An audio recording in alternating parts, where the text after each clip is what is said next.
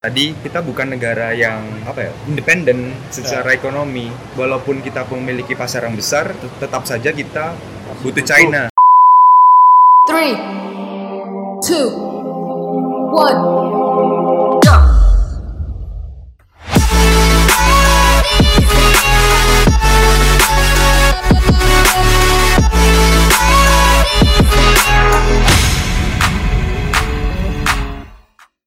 Halo Reuters, kembali lagi bersama saya Yusril Iza Mahendra di podcast FBC Chapter UMM yang ke-8 Ini teman-teman kita bakal bahas salah satu hot issue Topik yang lagi booming Banyak diperbincangkan saat ini apalagi sama anak-anak HI, akademisi maupun praktisi Tentang virus corona.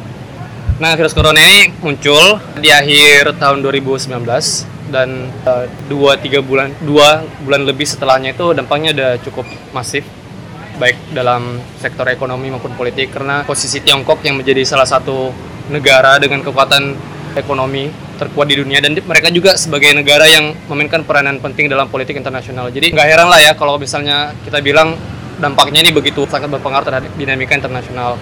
Nah kalau berbicara tentang penyakit yang berasal dari Tiongkok sebenarnya ini bukan hal yang baru karena pada tahun 2002 atau 2003 ya kemarin ada juga yang penyakit SARS namanya itu juga muncul di Tiongkok tapi pada saat itu berhubung karena Tiongkok bisa dikatakan masih belum sebesar sekarang dan pengaruhnya masih belum seluas sekarang jadi itu dampaknya masih relatif kecil dibanding dengan yang sekarang nah sebelum lanjut saya mau perkenalkan dulu nih teman ngobrol saya hari ini ada Mas Doni Halo. sama ada Mas Oki Halo guys. Nah, mereka ini sama saya dengan uh, mahasiswa HI UMM dan kita butuh perspektif dari dua anak HI. Nah, kayaknya hebat-hebat semua ini. Sama-sama masih belajar Oh. guys. Iya guys. Nah, jadi kita tanyain satu-satu ya. Iya boleh. Nah, yang paling tua dulu Mas Doni. Lo. Gimana nih Mas Don? Tanggapannya tentang virus corona ini mungkin dari perspektif ekonomi dulu lah. Soalnya kan kita tahu Tiongkok ini ekonominya besar banget gitu loh. Mereka juga salah satu apa pemain penting dalam global value chain. Jadi ya gimana Doni melihat ini? Ya dilihat dari bab dulu corona. Corona sudah mencemaskan kita di hampir tiga bulan, empat bulan belakangan ini tentang bagaimana virus yang mereka punya yang berasal dari negara mereka pada akhirnya menyebar ke seluruh belahan dunia. Pada yang awalnya kita cuma anggap itu hanya musibah yang jatuh ada di Cina aja tapi nyatanya sekarang sudah meluas sampai ke seluruh negara-negara di dunia banyak orang-orang yang sebenarnya nggak berada di Cina tapi akibat maraknya populasi di Cina itu bisa menularkan atau menyebarkan virus yang sebenarnya cuma ada di Cina di Wuhan lebih tepatnya. Dan pada saat ini kalau dilihat sistem ekonomi global atau interaksi ekonomi global itu bisa kita lihat sangat-sangat lamban dan sangat mempengaruhi pertumbuhan laju ekonomi dunia karena Cina seperti yang sudah dibilang Yusul tadi merupakan salah satu kekuatan besar di dunia saat ini. Di sinilah kalau saya bisa bilang interdependence itu kerja atau interdependence paling bisa menjelaskan bagaimana Cina yang paling berperan, Cina yang paling banyak melakukan interaksi ekonomi, terkena suatu musibah, terkena suatu masalah, negara-negara lain terkena juga dampaknya. Di sinilah baru kita bisa ngerti sensitivitas dan vulnerability atau kita bisa bilang ketergantungan dari satu negara terhadap Cina itu bisa kelihatan. Seperti contohnya para pelaku ekonomi yang bergerak di bidang otomotif di Hyundai misalkan kemarin di berita dibilangkan bahwasannya Hyundai berhenti beroperasi, Hyundai berhenti melakukan eh, produksi barang karena suku cadang yang harusnya bisa diambil di Cina tapi bisa berhenti. Begitu juga dengan pusat ekonomi yang ada di daratan Cina lainnya seperti di Hong Kong, di Makau, semua sempat terhenti. Padahal kalau kita tahu Makau adalah salah satu arus perairan yang atau arus lalu lintas ekonomi yang juga menjadi titik tumbuhnya itu cepat sekali, tapi terhambat karena ada virus corona ini. Nah, jadi kalau dari saya mungkin yang paling bisa menjelaskan pada saat ini adalah interdependence. Interdependence itu kalau misalkan orang-orang awam ya, kalau yang di luar HI itu bisa melihat bahwa interdependence ini bagaimana suatu kondisi di suatu negara atau wilayah berpengaruh di tempat lain. Dan ini berpengaruhnya nggak cuma satu dua aja, tapi di lingkup global, the whole world kena dampak dari adanya virus corona ini. Itu kalau dari aku. Mungkin kalau ada pandangan dari Auki, dari Yusril bisa kita obrolin mana. Ya, benar banget sih kata Doni tadi apalagi Tiongkok ini kan di Asia Timur aja banyak negara-negara Asia Timur bahkan kalau bisa dibilang di kawasan Asia sih yang menganggap Tiongkok ini sebagai partner ekonomi terbesar mereka. Jadi Iya, otomatis ketika suatu negara sebesar Tiongkok mendapatkan musibah seperti ini maka efeknya akan berantai dan itu bakal dirasakan oleh negara-negara yang terlibat kerjasama dengan mereka. Nah, kalau dari Aoki sendiri nih gimana pandangannya Aki? Dari tadi memang sebagian besar udah dikatakan sama Mas Doni, ya tapi saya mau berbicara lebih ke soal masalah interdependence. Bener banget, apalagi sekarang kita udah masuk yang namanya globalisasi. Globalisasi kita nggak bisa apa membuat negara-negara itu borderless gitu loh. Apalagi masalah corona ini, corona kan merupakan suatu virus. Dan itu kan nggak terlihat, which is semua negara nggak bisa mempredik bagaimana kita harus stop ini. Dan otomatis implikasinya berimplikasi secara ke perekonomian global juga.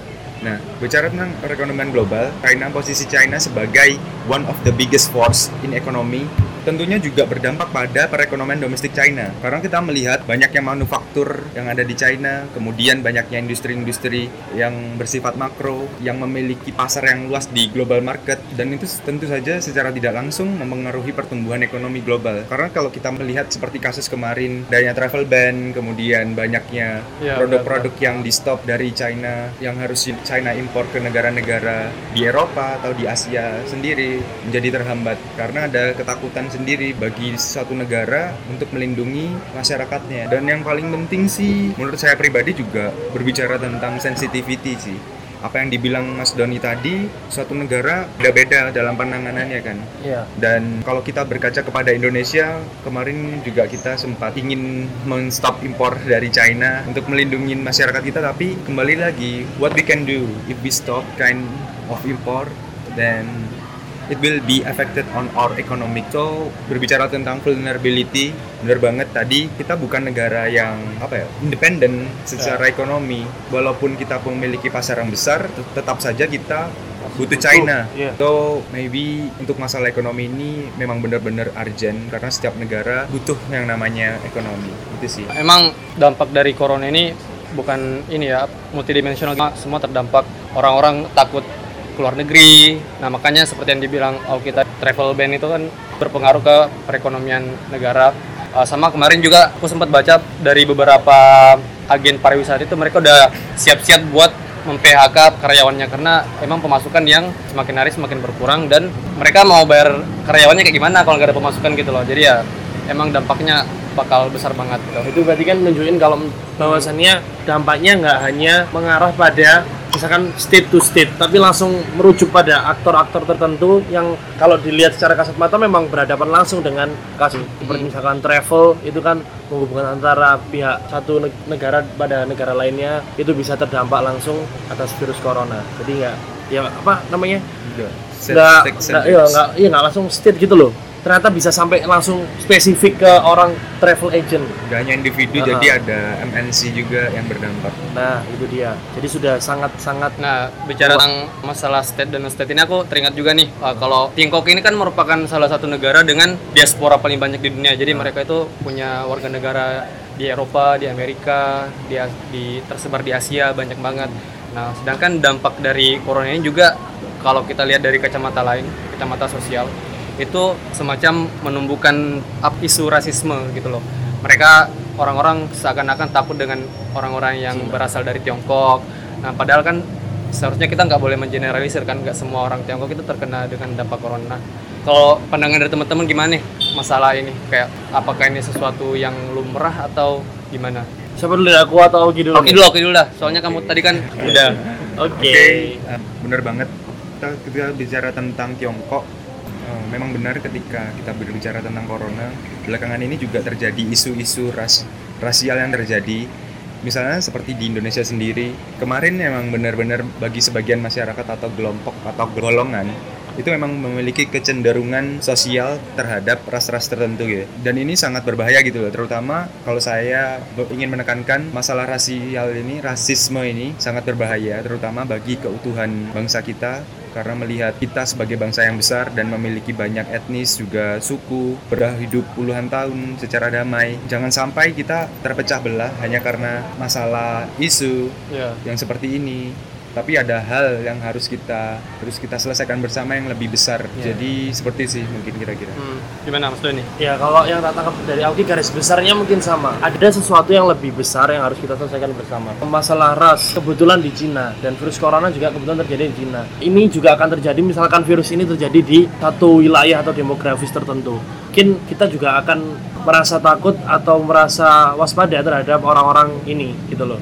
Jadi kalau dianggap secara psikisnya orang tahu virus ini dari Cina, secara spontan mungkin wajar mereka ada rasa ketakutan, tapi bukan berarti ini antara manusia atau sekat antara masyarakat yang hidup dalam kondisi yang heterogen yang mungkin yang kita hidup atas perbedaan antara satu sama lain. Itu seharusnya bukan menjadi pembatas. Yang harus kita lakukan adalah tetap mengantisipasi ini bersama-sama. Secara kolektif kita bisa lakukan hal-hal yang memang sudah diperintahkan oleh pemerintah seperti misalkan ada antisipasi untuk tidak keluar rumah yang sakit menggunakan masker yang tidak sakit sebaiknya mencuci tangan dan lain sebagainya. Hal-hal yang seperti itu yang harusnya kita budayakan bersama-sama yang harusnya kita lakukan bersama-sama untuk mengantisipasi datangnya corona datang di wilayah atau di sekitar kita. Bukan malah memberikan sekat antara satu sama lain sehingga malah terpecah belah membuat suasana ini menjadi semakin chaos semakin terpuruk dan yang harus kita lakukan memang itu tadi melawan ini bersama-sama sehingga kondisi kembali seperti seharusnya yang ada. Ya bener banget tadi kata Mas Doni bahwa sebenarnya ada hal yang lebih besar yang harus kita perhatiin dibanding dengan memupuk kebencian terhadap ras tertentu. Itu bagaimana cara kita bersama-sama bisa menanggulangi dampak corona ini karena ya bener banget masalah corona ini kan ini kan penyakit yang menyebar gitu loh. Jadi kalau nggak ditangani secara kolektif itu bakal susah banget buat ngatasinnya kayak gitu. Oke selanjutnya kayaknya kurang abdul nih kalau kita ngomongin tentang dampak corona secara global tapi kita nggak ngomongin negara kita sendiri nih Indonesia. Iya, iya, iya. Nah kemarin ada isu yang cukup menarik ini ketika negara-negara lain berlomba-lomba untuk menutup keran masuk wisatawan ke negaranya, tapi pemerintah kita malah buat kebijakan untuk menggunakan dana digunakan untuk menyewa selebgram itu untuk mempromosikan pariwisata kita gitu. Jadi kayak ada semacam paradoks sih. Kira-kira menurut kalian gimana ini masuk akal nggak sih? Kira-kira apa sih yang diinginkan pemerintah dari masuknya wisatawan di saat-saat genting seperti ini gitu? ya dipikir dulu. Coba enggak enggak kita coba berpikir sana objektif mungkin sisa kita karena ini adalah wadah untuk kita bisa menyampaikan pendapat Ya benar. terlepas kita dari warga negara Indonesia yang pemerintahnya membuat kebijakan seperti itu terlepas kita mematuhi aturan yang sudah dilakukan pemerintah tapi kita punya kebebasan untuk menyalurkan pendapat yang ya di sini inilah forumnya. Kalau menurut aku pariwisata itu menjadi sebuah ruang atau sebuah lahan yang banyak orang bisa ada di situ. Banyak orang dari mancanegara bisa ada di situ. Banyak orang dari negara mana saja bisa datang ke objek pariwisata. Sedangkan di lain negara, semua orang berlomba-lomba, semua negara berlomba-lomba yang dibilang Yusuf tadi. Kalau aku bilang bukan menutup, lebih ke mengantisipasi menyebarnya virus corona yang ada di negara itu. Kayak misalkan Jepang menutup Disneyland dan apa namanya. Bahkan banyak negara-negara itu yang aktivitas yang memungkinkan untuk melibatkan banyak orang itu diberhentikan. Kayak misalkan di luar negeri banyak kan pertandingan sepak bola yang diberhentikan Ya. Liga Serie A juga kemarin. Iya, Serie A diberhentikan. Aduh, Ah, mungkin ada yang berjalan tapi nggak ada penonton. Ya. Nah, itu kan salah satu cara untuk mengantisipasi dan em, menyebarnya corona di wilayah tersebut. Tapi di satu sisi ada hal yang berbeda ditunjukkan oleh pemerintah Indonesia. Sejauh yang saya baca, ini masuk masih belum terrealisasi. Iya, Bang. Hmm. Wacana, cuma wacana. Wacana yang dikemas berita sedemikian hingga ini menjadi up banget, menjadi abdul banget. Mungkin kalau menurutku karena ini belum realisasikan, tapi di satu sisi ada Indonesia yang pemerintahnya merencanakan hal seperti itu yang saat ini juga belum terrealisasikan. Kalau menurut aku pribadi ini sebuah tindakan yang cukup tidak rasional kalau aku bilang. Karena apa? Karena di saat negara-negara berlomba-lomba untuk mengantisipasi seharusnya Indonesia punya cara sendiri. Kalau misalkan dia nggak pengen mengikuti negara lain untuk bagaimana mereka mengantisipasi virus corona, ya bukan dengan cara mereka ambil antitesisnya dengan cara masuk pariwisata bisa banyak, membuka seakan-akan virus corona ini bukan suatu hal yang besar untuk dihadapi. Mungkin kalau misalkan pemerintah ini ingin menghilangkan rasa takut, yang dikampanyekan bukanlah pariwisata dan menyewa selebgram untuk disuruh orang itu datang ke Indonesia, tapi lebih kepada bagaimana sih kalau misalkan selebgram ini punya kekuatan untuk sounding sesuatu yang penting ya. Kalau menurutku justru manfaatkanlah selebgram untuk bagaimana sih ada caranya kita mengantisipasi hal-hal yang mungkin bisa mengakibatkan kita terjangkit virus corona. Misalkan dengan cara cuci tangan tapi sampaikannya oleh selebgram lah. Selebgram ini kan kalau kita bilang sekarang istilahnya adalah influencer bener kan? Gimana mereka ini bisa menginfluence para followersnya para pengikutnya. Ya dari situlah manfaatkan hal-hal yang positif yang tidak mengandung resiko. Tricky kalau misalkan aku bilang kebijakan yang tadi tapi kan sampai saat ini ini belum terrealisasi. Kita masih belum tahu ini benar apa enggak Hmm. gitu kan. Belum terjadi juga.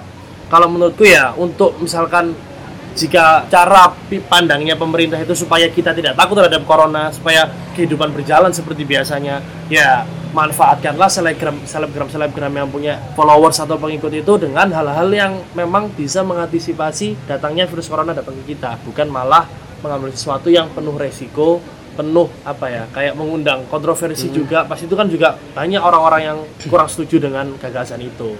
Itu sih kalau dari aku. Mungkin dari Augie ada pandangan lain? Kalau dari aku sendiri sih emang uh, benar-benar kontroversial belakangan ini emang. Apalagi kebijakan atau wacana yang akan dikeluarkan oleh pemerintah Indonesia terkait dengan virus corona ini dengan menggunakan jasa influencer.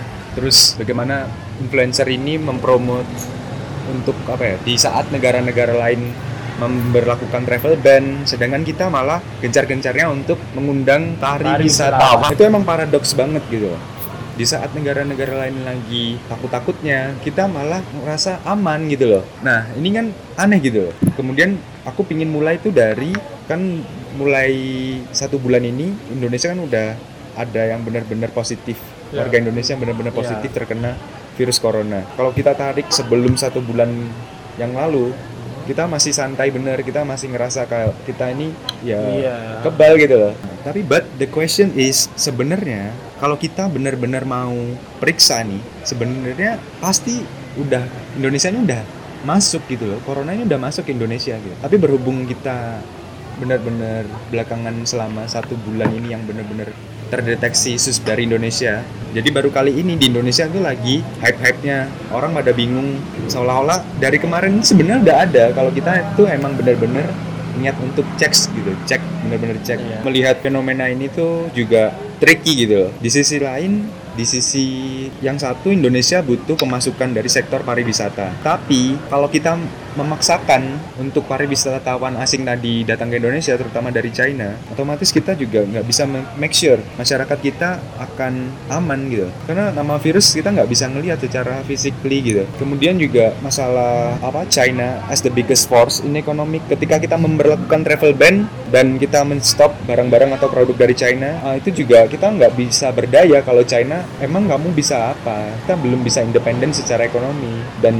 China adalah salah satu one of the biggest force economic in ASEAN sendiri gitu jadi ya benar-benar tricky sih Ya emang sebenarnya kalau kita lihat keputusan pemerintah ini wacana pemerintah sebenarnya kalau mau dibilang rasional atau nggak rasional sebenarnya rasional juga sih. Kalau dari pandanganku ya itu kayaknya eh, semacam langkah untuk meminimalisir dampak ekonomi. Eh, karena sempat juga kemarin baca katanya tujuannya itu adalah untuk menjaga stabilitas ekonomi Indonesia. Karena mengingat bahwa pariwisata itu kan salah satu kekuatan negara kita kan Indonesia. Ya siapa lah yang nggak tertarik dengan wisata Indonesia. Jadi ya itu salah satunya adalah untuk menjaga stabilitas ekonomi melalui wisatawan yang masuk. Tapi kalau melihat kondisi emang itu tadi agak agak kurang tepat gitu kan. Ya mungkin em, Banyak Yusril udah diajak ngobrol. Terima kasih ya Yusril. bincang-bincang ringan kita hari ini.